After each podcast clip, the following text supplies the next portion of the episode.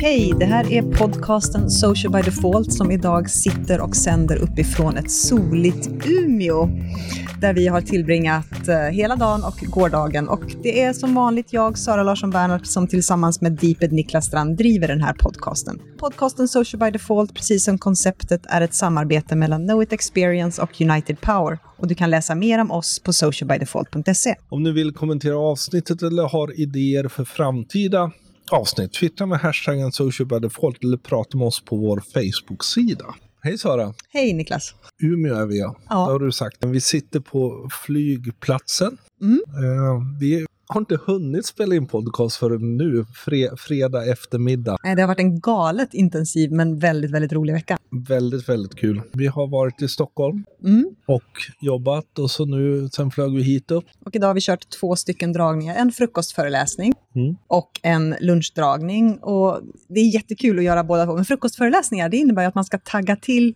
extremt tidigt. För vi var ju på plats redan Sju. klockan sju i morse. Ja, vi var till och med på plats innan arrangörerna. Mm, så är det. Sådana är vi. Jag är ju tidspessimist, så Ja. jag vill alltid vara ute i god Det tid. är jättekul. Och kul att vara tillbaka i Umeå. Det var några år sedan vi var här senast. Mm. Då var det, det var nog tre år sedan och eh, 27 grader kallare eftersom det är 7 Ja. plusgrader idag och då Ja. var det extremt kallt. Igår så var vi och hälsade på en internetgigant. Ja, det var vi. Det var jätteroligt. Vi blev inbjudna via DM på Twitter faktiskt, av Elsa Dunkels på middag. Så vi tog en uh, halvtimmes, 45 minuters promenad längs Väldigt älven. blöt eftersom det är ju då plusgrader i Umeå. Men fin. Väldigt fin. Otroligt vackert. För er som inte vet vem Elsa Dunkels är, hon är, precis som Niklas sa, en internetgigant. Hon är docent i pedagogiskt arbete och lärarutbildare vid Umeå universitet. Och hon är framför allt en av de absolut främsta experter vi har inom området unga och internet, som hon pratar väldigt mycket om och har dessutom släppt en bok i ämnet som trots köpstopp då, Va? Ehm, jag passade på att få ett, köpa ett signerat exemplar igår. Precis. Skön kväll. Boken heter Nätmobbning, näthat och nätkärlek och kan, eh, ja, twittra till Dunkels så kommer ni kunna köpa den helt enkelt. Mm. Ät Dunkels och följ henne. Hon har ju varit med två gånger för oss på internetdagarna. Mm. Både i år och för två år sedan. Mm. När hon just lyfte upp sin forskning och pratade om... Första gången pratade hon om unga och internet. Och den här gången pratade hon väldigt mycket om näthat och nätkärlek också. Mm. Så det var kul. Framöver så det tar ju inte stopp nu, så vi kommer ju jobba på vidare. Vi fick precis liksom klart med ett snabbt, intensivt projekt vi ska göra nu. Som vi börjar på söndag kväll. Vi har en bergskurs näst, nästa vecka. Mm. Det finns några Två platser, platser kvar, kvar. Så vill man och känner, ja men för fan, jag hoppar på, så ska det gå att hänga på den. Vi skrev dessutom en eh, liten uppdatering kring kursen som Bergs har delat. Mm. Vi lägger in den i show notes. Just vad kursen går ut på och varför man behöver ha en strategi i sociala medier. Och det, det kan man ju tycka att det vore självklart, men det är inte så självklart alltid. Och det är ju sånt vi har pratat om idag också. Lite nyheter. Förra veckan pratade vi ju, hade vi ju inbjudet Miranda Jansson. Mm. Vi pratade om mikroinfluencer och eh, Och influensmarknadsföring. Mm. Och det, här, det är ju någonting som vi kommer höra jättemycket om under nu 2017. Och det var väl kanske det som genomsyrade vår spaning inför framtiden mest. Mm. Någonting annat som vi också har nämnt ett antal gånger är ju hur de här kanalerna hela tiden förändras och utvecklas så att man behöver hela tiden vara uppmärksammade på de här förändringarna. Mm. Och i tisdags i veckan så Mm. skedde det en förändring. En, en ny lansering. Ja, men då fick ju alla vi live på Instagram. Mm. Och vi, så fort vi så, såg det så var vi ju tvungna att testa. Det är ju som vilken annan live som helst. Det är ju väldigt likt Periscope, Ja. just med hjärtan och likes och sådana saker. Och faktiskt på riktigt disposable. Därför kör man live så är det där och då och sen försvinner det eh, direkt. Så det är inte något som finns kvar. Det finns säkert fördelar och nackdelar med det, men jag tycker det är rätt skönt att de ändå Att de vågar köra så stenhårt på det. Ja, och göra det på Instagram medan jag menar, live på Facebook finns ju kvar. Så Mm. det, det tycker jag är en positiv. Vad tror vi om det då? Det är ju svårt att se, men samtidigt stories har ju fungerat. Mm. Det är ju 150 miljoner som använder det med ganska ofta. Mm. Live-möjligheten kommer säkert också innebära det här att ja, men då testar man av det och gör någonting av det. Så jag tror Instagram har nog en ganska stor, bra framtid för sig. Som alltid när man jobbar eller planerar att göra en livevisning så handlar det ju om att återigen informera innan om att liven kommer ske för att kunna skapa så bra förutsättningar som möjligt om det är så att man vill ha en större crowd som tittar än just de som råkar vara inloggade just då. Så är det ju. Sen självklart, för i veckan eller förra veckan så var det ju också, kom ju live, Facebook live mm. i och för sig, i Facebook live i grupp papper var det. Där det då någon idiot sände en våldtäkt live, med live liksom och det vart en ganska stor diskussion om det. Och det är klart att när det blir ännu mer disposable är det ju självklart att då kommer ju det hända saker som inte är bra. Mm. Och det vi såg när det gällde Instagram live är ju att du kan anmäla liven direkt i appen mm. om det är så. Ja. Sen så behöver man ju gå vidare någonstans och så, så blir det en, en, en... Du hotade ju med att anmäla Petter Karlssons live. Jag var ju mest nyfiken på vad som hände.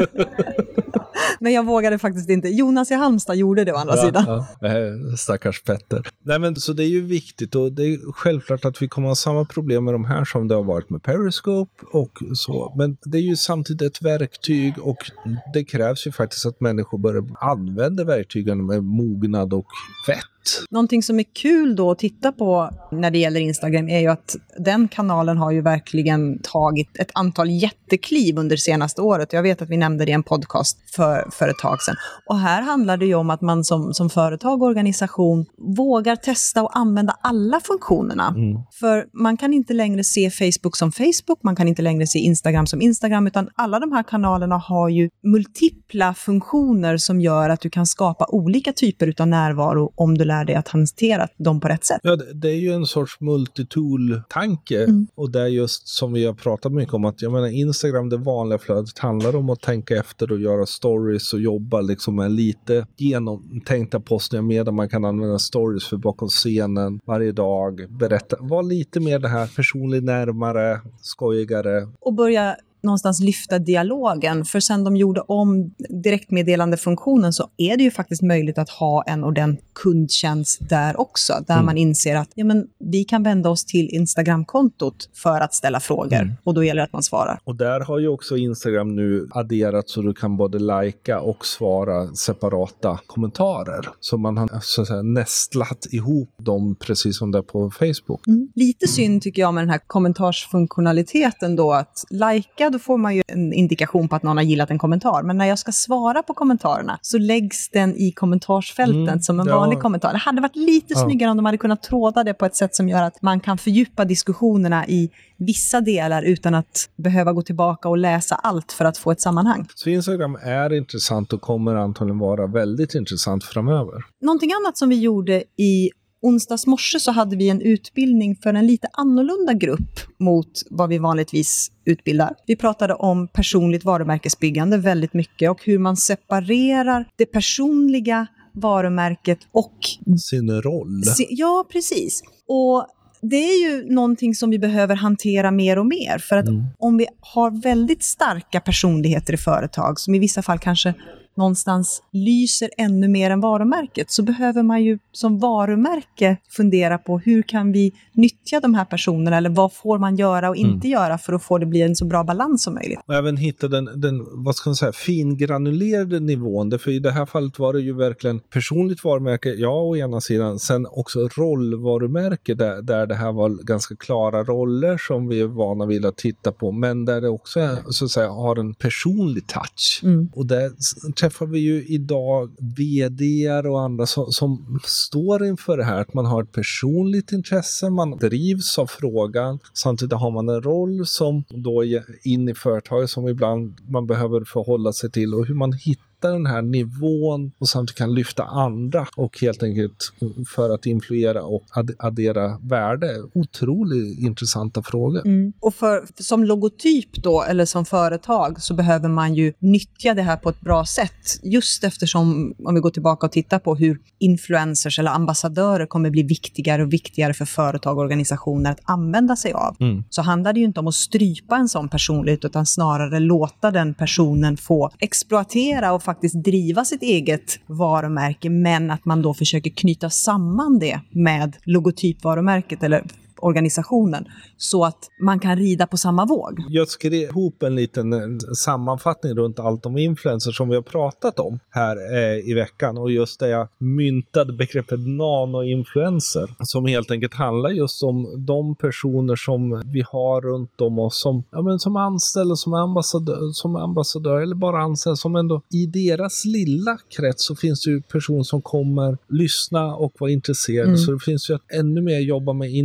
incitamentet runt att låta anställda vara ambassadörer, kunder och liknande. För det är de små delarna som också blir viktiga. Och här handlar det ju väldigt mycket, för som företag så är ju ambassadörerna och de anställda en av de absolut viktigaste tillgångarna. Men väldigt ofta så har man inte processer eller rutiner för de anställda att faktiskt få utveckla det här ambassadörskapet, utan gärna ser man att det ska göras på fritiden eller efter arbetstid. Mm. Och här är ju en fundering hur man kan då bygga in det på något sätt i den här personens arbetsvardag eller arbetsuppgifter. Att kunna låta den personen få ta ett antal timmar eller så i veckan att faktiskt utveckla mm. det här ambassadörskapet. Mm. Kunna skriva längre bloggposter eller kunna spela in filmer eller podcast eller vad man nu vill för att sen företaget i sig ska kunna nyttja det. Annat som, som kan vara intressant att diskutera det är ju det, dels alltså det som händer i USA. Mm. För dels har vi ju då sett så fort något ja, galet hände runt Trump, som det ju händer hela tiden. Eh, tycker vi i alla fall. Man får tycka vad man vill. Så vad heter det, blir det ju en diskussion. Men samtidigt ser vi också nu hela den här alternativa fakta och har ju blivit en mem såklart. Ja. Men där också företag vågar liksom leka lite. Så det var delikat. Och... Vad var det de sa? Att 13,6 miljoner svenskar kommer idag äta en chokladboll. Ja, precis. Och så taggade de det alternativa. och det är ju intressant hur fler och fler nu jobbar med realtid och kontextuell och vågar göra det. Och det här är ju också en balansgång. Så är det ju alltid. För det gäller ju hela tiden att finlira, att man inte trampar gör övertramp. Och nu ja. tycker jag ju att, att, man ska behöva trampa ganska långt om man ska kunna göra övertramp när det gäller Trump. okay. men, vi hade, men vi såg ju för, för två veckor sedan, eller var det kanske tre veckor sedan, en SSU-ordförande som tog taxi mellan Stockholm och Sälen där det blev en ganska stor Twitter-reaktion på det. Mm. Och då var det ju ett bussbolag som hoppade på det ganska snabbt. Mm, och där de helt enkelt sa, hej SSU, ett tips. Nästa gång ta vår buss som kostar si och så mycket. Och jag tyckte det var okej. Okay. Mm. Eh, du var lite skeptisk. Ja, jag, jag kände att det fanns, jag kan tycka att det är kul när man inte pekar ut en enskild person. Och hela drevet i den här taxihistorien var ju runt den här SSU-ordföranden. Mm, och jag så. kände att de hade kunnat formulera, nu kommer jag inte riktigt ihåg hur formuleringen var, men de kunde kunnat formulera det lite Formuleringen annorlunda. var mot SSU, ja. men det är självklart att det blir ju han ändå i överförd mening, så, så är det ju självklart. Formuleringen var okej, okay, men man kommer inte undan att det ändå blir mot honom. Mm. Det förstår jag. Jag tycker generellt att ja, men, det får man ta som SSU-ordförande också. Liksom. I det här fallet är vi en, i en sån medievärld. Liksom. Men jag kan förstå din reaktion. Jag tycker den var okej okay. mm. och jag tyckte det var roligt och framförallt smart, för det är ju faktiskt sant. Det som, som tips då är ju att när man vill hoppa på en sån här sak som händer på nätet, visserligen så behöver man vara extremt snabb, men åtminstone få någon till att kolla över det så att man inte mm. trillar dit. För risken är att man får sitta och krishantera någonting helt annat, för det har vi ju också sett upprepade gånger hända. Så är det ju. Annars så tycker jag att eh, kör på. Ja, och, och våga vara en del av kontexten, för det var li lite som vi har pratat om mycket, att ja, men det blir än viktigare att man faktiskt har koll på vad som händer och försöker vara med i det som är aktuellt mottagarens tankar. Alltså mm. kan, kan man haka på något som väldigt många mottagare redan är medvetna om så är det klart att det fäster. Istället för att man plötsligt ska, ja men då måste jag tänka på det, men det orkar jag inte just. Det är ju någonting vi märker, hur liksom tajmingen hela tiden, i, i stort sett i allt man gör i sociala kanaler, måste vara precis on time. Det handlar ju hela tiden om en perfect timing och då har du ju dels då omvärlden som du behöver förhålla dig till. Precis lite grann som du säger. Vad händer i omvärlden? Vad diskuteras? Vad är det som trendar just nu? Kan vi sätta vårt varumärke i rätt kontext? Men sen har du ju också beteenden hos målgruppen deras timing som man behöver förhålla sig till. Så att det här som vi har jobbat med tidigare med långa planeringscykler och så, de behöver vara extremt flexibla och man måste vara mycket mer snabbrörlig idag för att kunna nå hela vägen ut. Om vi tittar mer också vad som händer då, så varken du eller jag är några stora fan av Trump. Nej. Eh, men det intressanta med administrationen är ju att de har ju tagit sociala medier på ett bra mycket större allvar tror jag än någon tidigare har gjort. Dels för att Trump själv använder, har använt det och sett att det har varit en effektiv kanal. Ja, och han fortsätter ju twittra under sitt The Real Donald Trump vilket och är ju inte lite Putus. smågalet i sig. Dels det och sen har de också tagit det helt enkelt tagit det på så stort allvar så de då när under inauguration så var det något av myndighetskontona som råkade säkert av det här misstaget att man har dragit, inte tagit sitt personliga utan jag råkade en av de här bilderna att det var mycket färre folk och det här var Forest and Reservation myndigheten och den blev, fick direkt liksom, ja, ni får inte twittra just nu, nej, sluta sådär. Känns... Eh, en diktator. Ja, men jag tycker det, det finns en...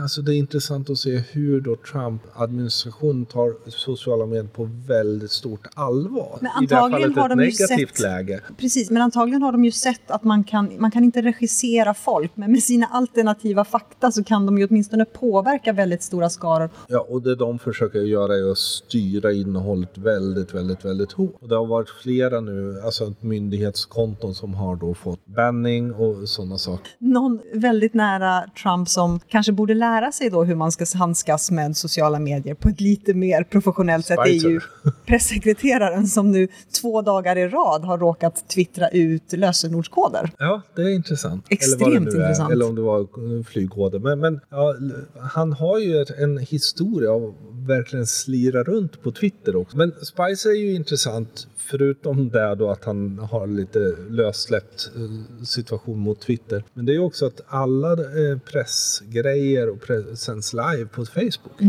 Mm. Och det är ett ny- nytt sätt. Mm. Vilket är intressant att se vilka det är som kommer följa efter där sen. Som en motreaktion på det då så, så finns det ju nu ett antal Trump-filter som man kan installera på sina datorer Ja. för att slippa upptäcka allting som har med Trump att göra. Man kan ju lugnt säga att Trump har skapat en högre kreativ nivå på, på det mesta. Allt från memes till som andra inte har gjort. Men är det här vårt sätt att handskas med en verklighet som vi står ganska förvånade inför? Ja, och det gör vi alltid. Så fort någonting händer så är det ju liksom, dyker det upp intressanta eller memes och så här. Och ibland så är det lite tidigt. Och så är det så här, är det too soon? Frågetecken. Nej.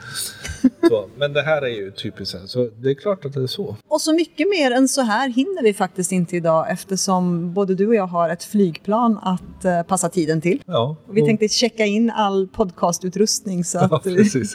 slipper bära omkring det på planet. Så de blir så hoppas kinkiga i security om jag kommer med allt det här. räcker att vi har varsin ost i handbagaget. Ja, fast det har vi väldigt. Jag har stoppat den nu. Vi fick en talargå, fick en västerbottenost. Det tycker jag är bra. Nej, men bara just med security. Jag kommer ihåg när jag och Björn Falkevik och Britt var ute och åkte med hans kamerautrustning. Där han fick åka en timme innan oss till security för att de skulle titta på allting som fanns i hans stora ryggsäck. Så jag stoppar in den här podcastutrustningen i den vanliga stora väskan. Det tycker jag låter bra. Hoppas ni har eh, haft glädje av ett lite annorlunda och kortare avsnitt.